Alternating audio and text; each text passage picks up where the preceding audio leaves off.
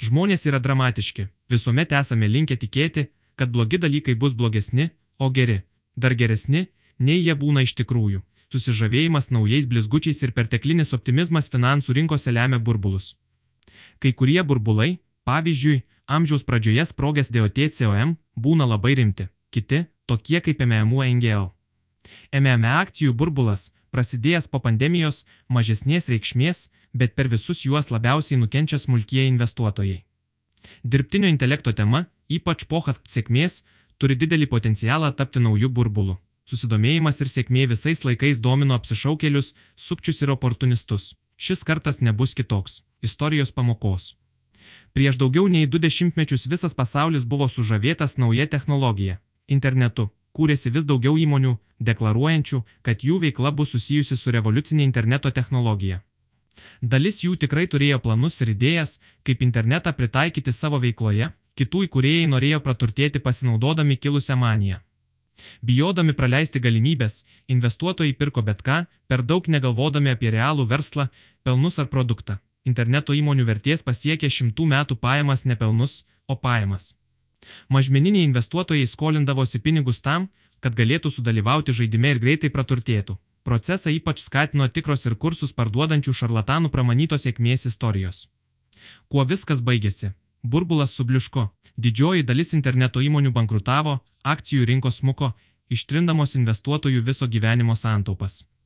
Smulkieji investuotojai, laiku nespėję pabėgti iš rinkos, ne tik nepraturtėjo, tačiau ir liko skolingi tiems, kurių kapitalą naudojo bevertėmis tapusių akcijų pirkimui. Panaši situacija susiklostė po COVID-19 pandemijos. Apakinti Tesla akcijų brangimu ir nespėję iš šios įmonės augimo traukinį, investuotojai pradėjo ieškoti naujų elektromobilių gamintojų su dideliu potencialu. Kur yra paklausa, ten atsiras ir pasiūla. Per 2020 ir 2021 metais vidaus degimo varikliais varomų automobilių elektrifikacija ar tiesiog naujų elektromobilių gamybą siūlančių įmonių pridygo.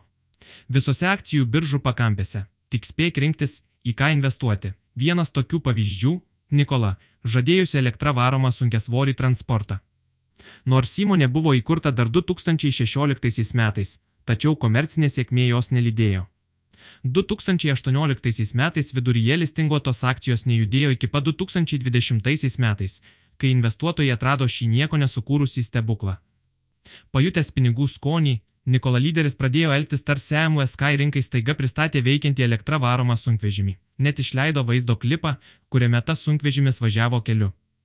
Vienintelė bėda - viskas te buvo fikcija. Greitai pasklido gandas, kuris vėliau buvo patvirtintas, kad Nikolas sunkvežimis pats važiuoti nemoka.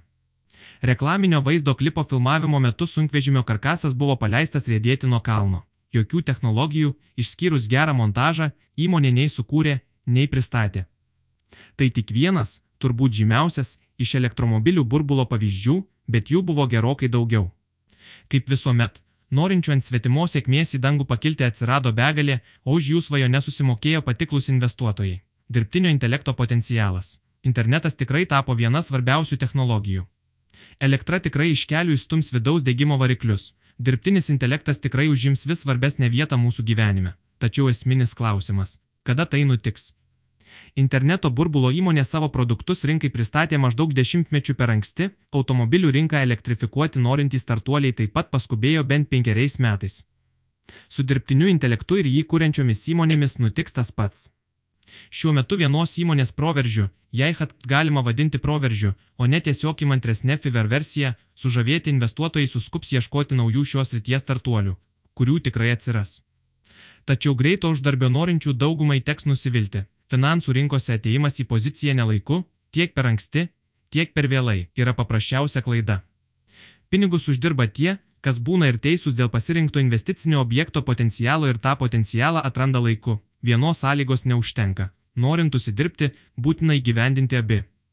Žinoma, ypač tendencijos pradžioje atsiras daugybė gerai uždirbusių ir savo sėkmės istorijas pasakojančių, bet tai te bus akla sėkmė.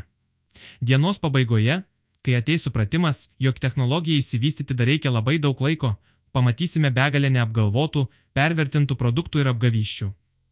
Rinka turės įsivalyti, tapti ganėtinai nuobodi ir tik po kažkiek metų dirbtinis intelektas taps stabiliai pinigus uždirbančia verslo pasaulio dalimi. Jūs savaime suprantama galvojate, kad visus šiuos dalykus žinote, bet esate per protingas patekti į piktavalius pastus. Jūs turite išskirtinius analitinius gebėjimus, puikiai suprantate rinką ir gebate atrinkti deimantus purvo duobėje, gali tai būti.